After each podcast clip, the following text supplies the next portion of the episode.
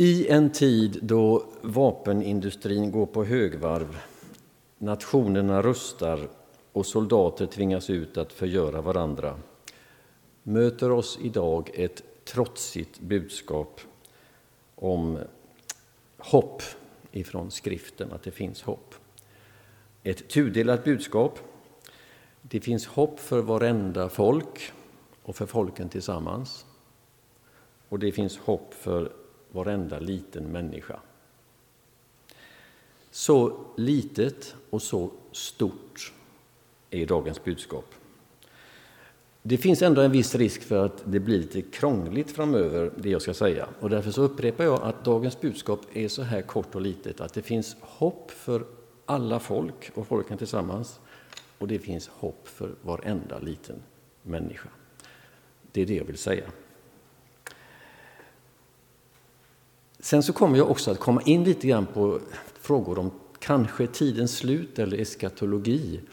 Och då vill jag påminna lite grann om vad det står om i Andra Korinthierbrevet 14 där det nämns om att två eller kanske tre profeter kan få lov att uppträda och sen så må de andra pröva det som sägs. Jag gör inte anspråk på att vara profet, men jag ber er pröva det frimodigt, som jag ska säga.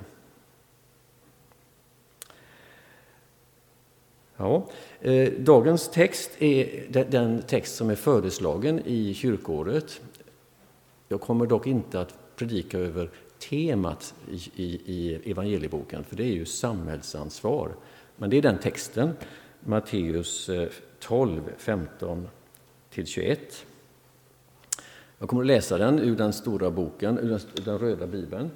Och, eh, texten föregår, ska jag säga. Texten börjar med Jesus fick höra det. Och därför så får jag berätta vad det var han fick höra, för annars blir det obegripligt. Han fick höra att fariseerna började överlägga om att röja honom ur vägen. Och bakgrunden var att han nyss hade botat en sjuk på sabbaten. En man med förtvinad hand hade fått sin kraft tillbaka. Men det var sabbat, och sabbatsbudet var och är väldigt viktigt för judar, också för Jesus. Men Jesus tolkade sabbatsbudet annorlunda. Han såg det inte som ett brott, förstår, misstänker jag. Men fariseerna såg det som ett brott mot sabbatsbudet, så de bestämde sig för att röja, röja honom ur vägen. Det är där som vi börjar med vår text.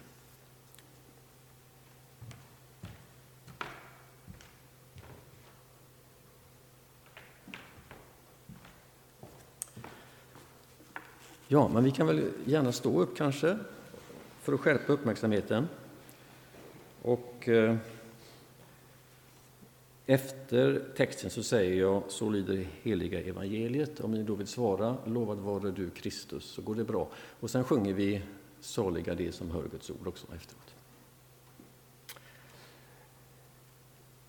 Jesus fick veta det och drog sig undan därifrån. Många följde med honom och han botade alla och förbjöd dem strängt att avslöja vem han var för att det som sagts genom profeten Jesaja skulle uppfyllas. Detta är min tjänare som jag har utvalt, den som jag älskar och som min själ har sin glädje i. Jag ska låta min ande komma över honom och han ska förkunna rätten för folken. Han skall inte träta och ropa och ingen skall höra hans röst på gatorna. Han skall inte bryta det knäckta strået eller släcka den tynande veken, tynande lågan, förlåt, utan han skall en dag föra rätten till seger och hans namn skall ge folken hopp. Så lyder det heliga evangeliet. Lovad vare du, Kristus. Saliga de som hör Guds ord Saliga de som hör Guds ord Ja, saliga de, saliga de som hör Guds ord och tar vara på det. Varsågoda och sitt. Vi möts trots allt av hopp i dagens text. Eller jag borde kanske inte säga trots allt, utan på grund av hellre. Vi möts på grund av Herrens tjänare, som vi läste om. Han som var fylld av Guds ande, utav hopp och som skulle, som det stod i texten, förkunna rätten för folken och ge folken hopp. Och dessutom inte bryta det knäckta strået eller släcka den tynande veken. Låt mig säga någonting kort om hopp i allmänhet först. Det finns ju några välkända talesätt om hopp som visar hur viktigt hoppet är för oss människor. Ni kommer säkert att tänka på dem själv, men jag kan fylla på. Hoppet är det sista som sviker oss, säger vi. Så länge det finns liv finns det hopp. Det är hopp om livet. De här talesätten de, som lever i språket de, de säger oss att hoppet är viktigt för oss människor. Om man känner hopp för morgondagen, hopp om en positiv förändring, hopp om att få träffa en älskad, då kan liksom krafterna rinna till. Det är säkert en mänsklig erfarenhet. När det känns hopplöst så är man trött och tung, men när hoppet kommer så finns det plötsligt kraft till både det ena och det andra. Lite grann om den här texten och sammanhanget. Texten som vi har läst är ju i huvudsak ett citat från profeten Jesaja som vi redan har hört från idag när, när Per läste från Jesaja 2. Det här var ett citat från Jesaja 42. För övrigt det längsta citatet i Nya testamentet från Gamla testamentet läste jag i en kommentar. Jesaja han levde på 700-talet eh, före Kristus och hans bok står ju först i raden bland profeterna. Kungen bland profeterna har han kallats. Och boken innehåller ju utsagor som är väldigt trösterika och också som är slående detaljrika och slår in på Jesus Kristus och på hans korsdöd och ställföreträdande lidande. I den här texten så befinner vi oss ungefär mitt i evangeliet, Matteus evangelium. Bakom oss så ligger Johannes döparens förberedande omvändelsepredikan och Jesu dop och de frestelser som åklagaren mötte honom med. Han har haft sin stora bergspredikan, han har botat sjuka, han har befriat människor som har plågats av demoner. Han har stillat en storm med sitt blotta ord. Han har givit blinda syn. Han har till och med uppväckt en, en, död, en död liten flicka, en synagogsföreståndares flicka. Och så har han skickat ut sina tolv lärjungar att predika och bota sjukdomar och driva ut demoner. Så Jesus och hans lärjungar är vid det här tillfället mitt uppe i en blomstrande verksamhet. Och första förutsägelsen om hans förestående lidande kommer längre fram, i kapitel 16. Nu är vi i kapitel 12. Men ändå så börjar det hårdna. För strax innan så gör ju då Jesus det här helande undret som jag talat om på sabbaten. Och eh, fariseerna beslutar sig för att röja honom i vägen. Och då får Jesus höra om fariseernas avsikter och drar sig undan, som det står.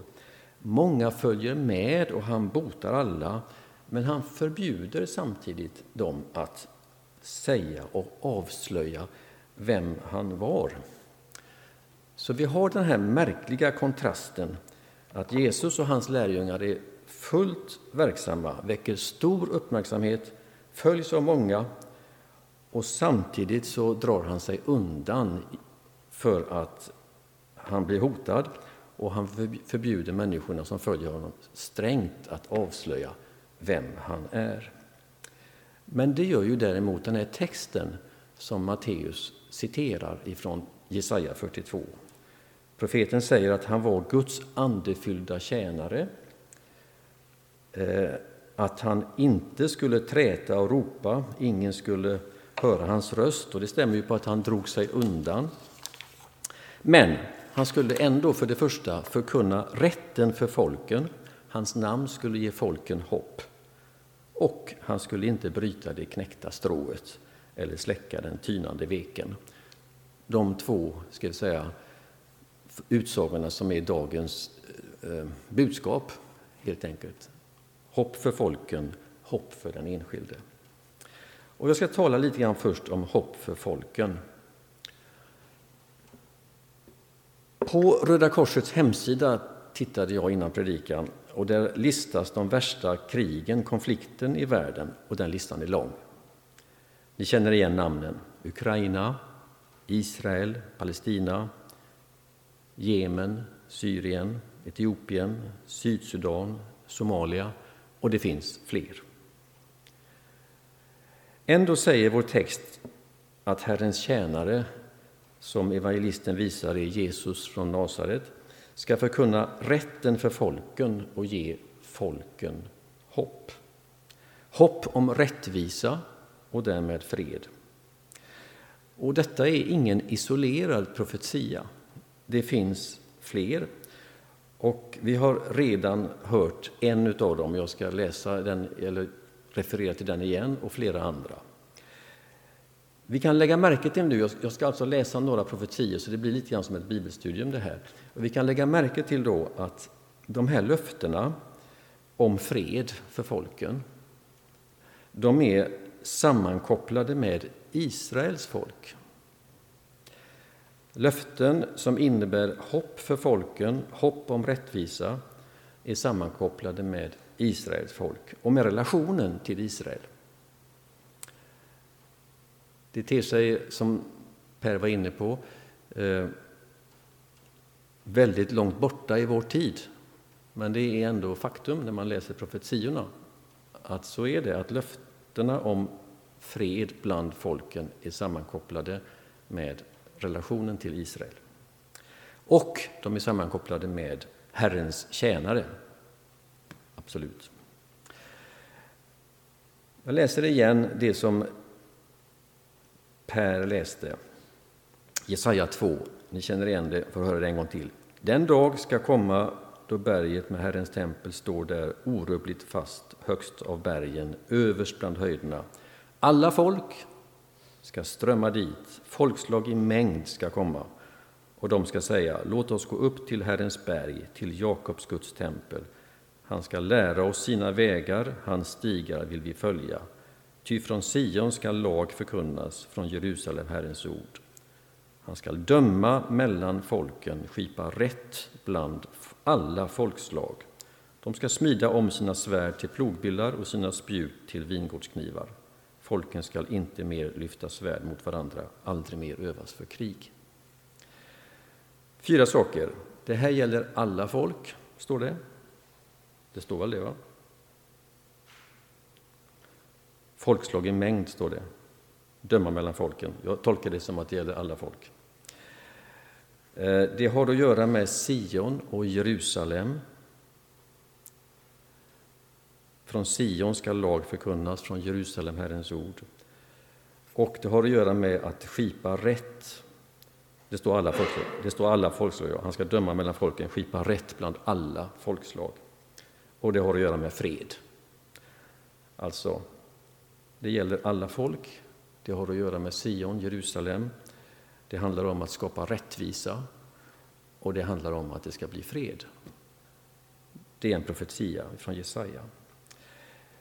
Ifrån Jesaja 11, lite längre fram, läser jag En gren skall växa ur Jishais avhuggna stam, ett skott skall skjuta upp ur hans rot. Kommer ni ihåg vem Jishai var, eller Isai?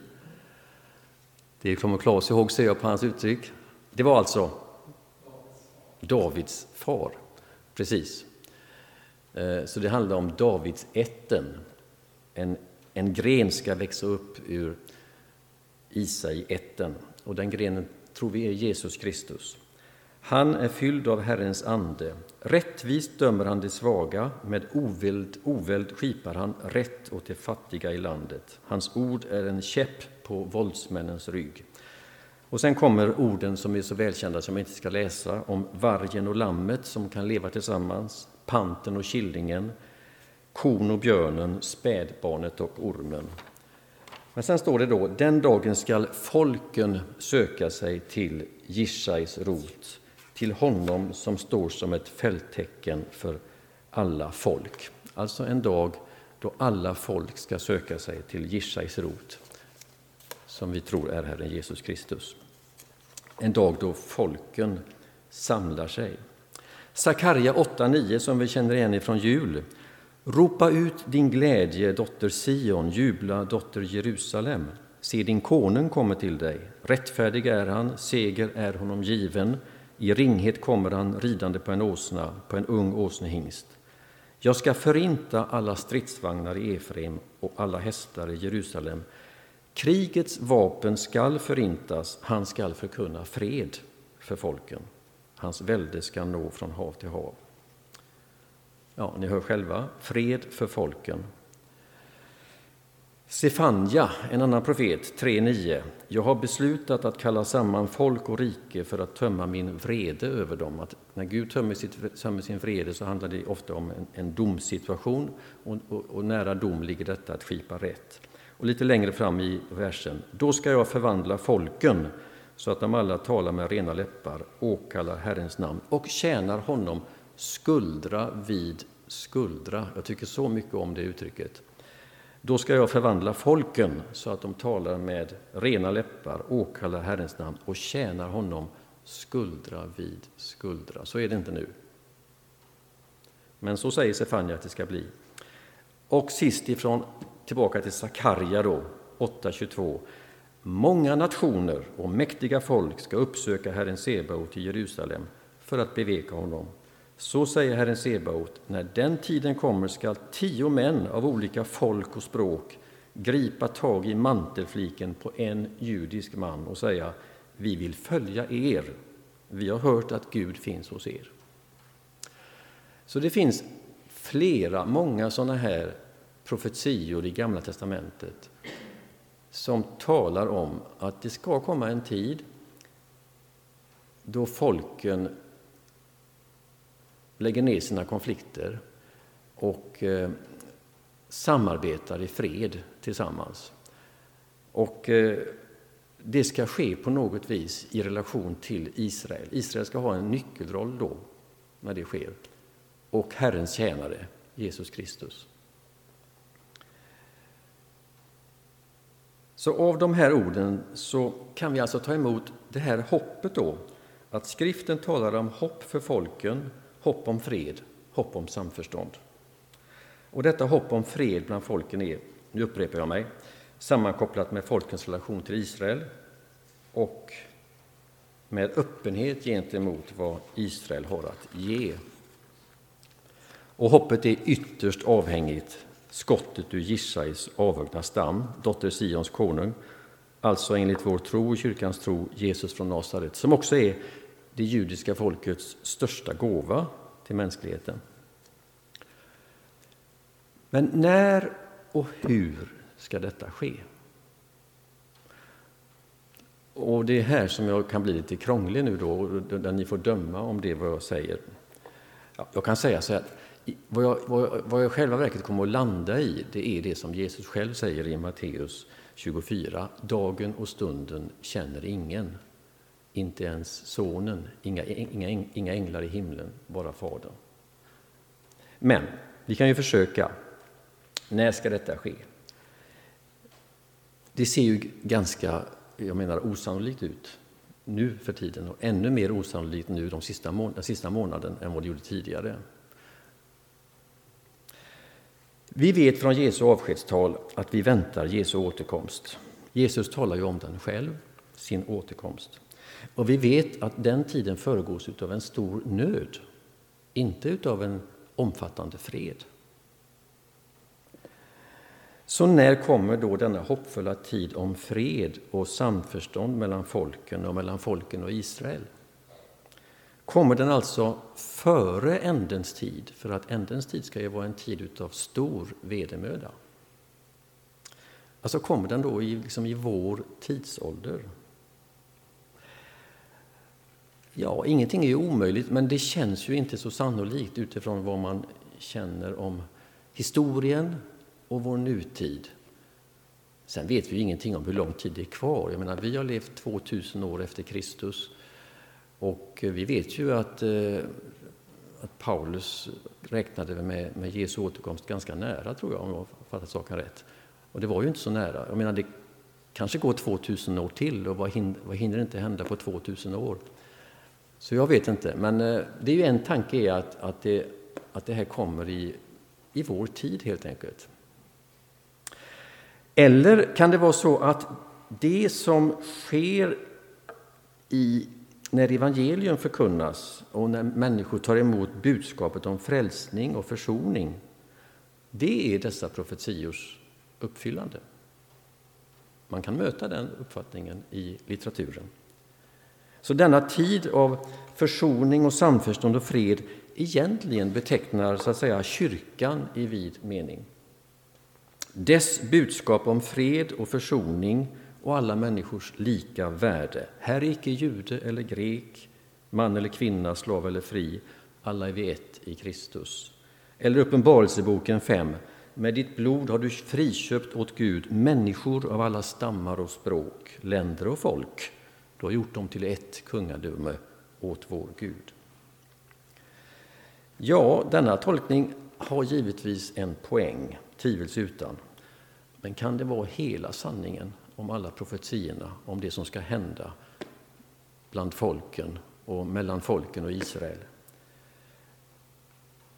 Jag har i alla fall svårt att tro det själv. Eller ska det ske under det så kallade tusenårsriket? Det som det står om i Uppenbarelseboken 20 och endast där. Endast där i hela Bibeln.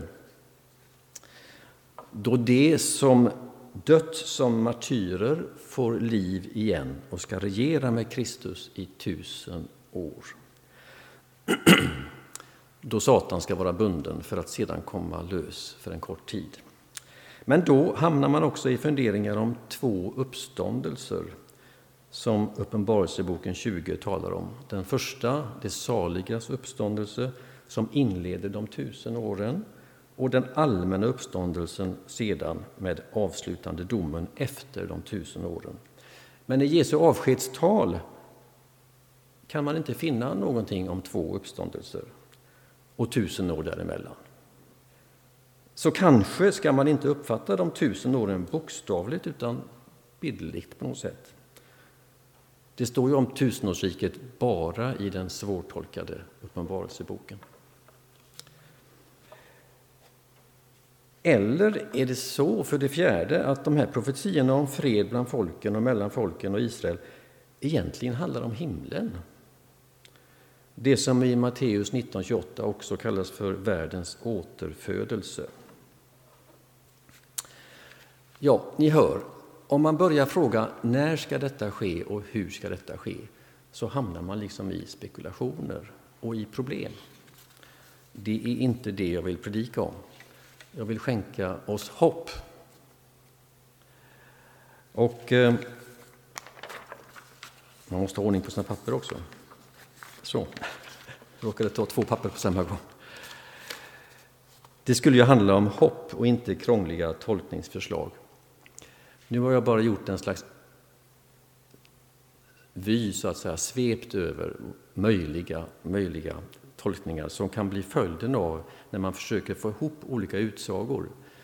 Det kanske sker på ett helt annat sätt. Det kanske inte sker på de här, något av de här fyra sätten. Det kanske sker på något sätt som inte vi alls kan förstå. Så var det ju när Jesus kom. Han var, kom ju oväntat och ingen, ingen kunde liksom förstå att det skulle bli precis på det sättet som han kom, fastän det var förutsagt. Vi gör bäst att stanna vid det som Jesus själv säger i talet om tidens slut. Dagen och timmen känner ingen, inte ens himlens änglar, inte ens Sonen, ingen utom Fadern. De orden gäller framför allt tidens slut, men jag tillämpar dem även här på de hoppfulla profetiorna om fred bland folken. Vi behöver inte få ett schema med förväntade tider. Men vi, menar jag, har anledning att i en mörk och svår tid ändå få lov att känna hopp eftersom profetiorna talar om en tid då folken tillsammans drar åt samma håll. En tid då folken respekterar och ser upp till Israels folk. En tid då Herren Jesus låter vårt hopp gå i uppfyllelse. Hur kommer det att ske? Ja, det får vi se. Det blir spännande att se hur det kommer att ske, vad Gud har i beredskap. Men låt oss inte avstå från att läsa profetiorna, utan låt oss läsa dem och få vår tro och vårt hopp styrkt även i denna svåra tid. Det kommer en tid av fred, en tid av försoning, en tid av samarbete för alla folk. Och Israel kommer att få en särskild uppgift då. Och Herrens tjänare kommer att bli ärad. Det säger inte jag, det säger profeterna. Det var del ett av predikan. Nu kommer del två. Gud är så stor att han har rättvisa, försoning och samarbete i beredskap för folken. Vad är då en liten människa? Att Gud skulle tänka på honom, henne. Det är naturligt att tänka så, eller hur? Vi ska använda vår tankeförmåga fullt ut, men också låta oss upplysas av ordet, skriften. Och vad läste vi? Han skall inte bryta av det knäckta strået eller släcka den tynande lågan. Vi kan lite till mans och kvinns känna oss som tynande vekar som fladdrar svagt i en bister vind. Kanske vi i någon period av livet blir helt knäckta. Vårt strå är inte längre segt och stolt i vinden utan har mist sin spänst och böjs mot jorden. Vem bryr sig om ett sådant knäckt strå, en sådan rykande veke? Folkens konung har väl annat att tänka på? Nej, då tänker vi fel. Vi får istället vårt hopp stärkt utav ordet som säger just att Herrens andefyllda tjänare vet om den tynande lågan, bryr sig om det knäckta strået. Vår Gud är så stor att han har både världens återfödelse i beredskap och bry sig om varje liten människa. Och det vet vi, inte bara som en försäkran. Vi har många tydliga vittnesbörd om det. Tänk på den krokryggiga kvinnan som hade under 18 år plågats, varit plågad av sin sjukdom och inte kunde räta på sin rygg. Jesus mötte henne, kallade fram henne, la händerna på henne och befriade henne. Hon var en knäckt människa, tänker jag mig, bokstavligen i sin rygg. Men hon fick räta på sig efter lång tid. Rövaren på korset hade kort tid kvar att göra bättring och vända om. Och han hade verkligen en tynande livslåga. Det handlade om någon timme, minuter. Men han, sa, han bad om en tanke, ni vet. Jesus, tänk på mig i ditt rike och fick ett paradis. Idag ska du vara med mig i paradiset. Det fanns hopp för en tynande låga. Det finns hopp för dig och mig. Om vi varit knäckta aldrig så länge finns det hopp. Om vår livslåga har varit tynande med till synes kort tid kvar så finns det hopp. Så stor är vår Gud.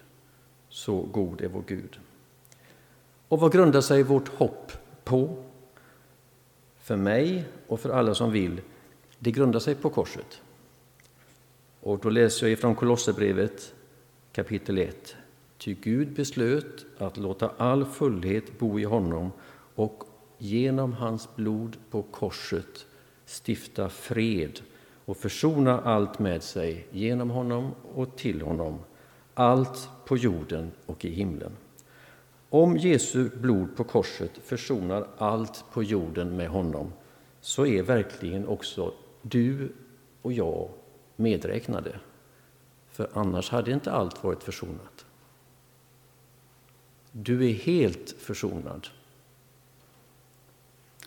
med Herren genom Jesu Kristi kors. Och hoppet grundar sig på den tomma graven. Den tomma graven är en försäkran om att det vi hoppas inte är tomma ord. Om inte Jesus hade uppstått, då hade han legat i graven och vi hade inte haft något hopp.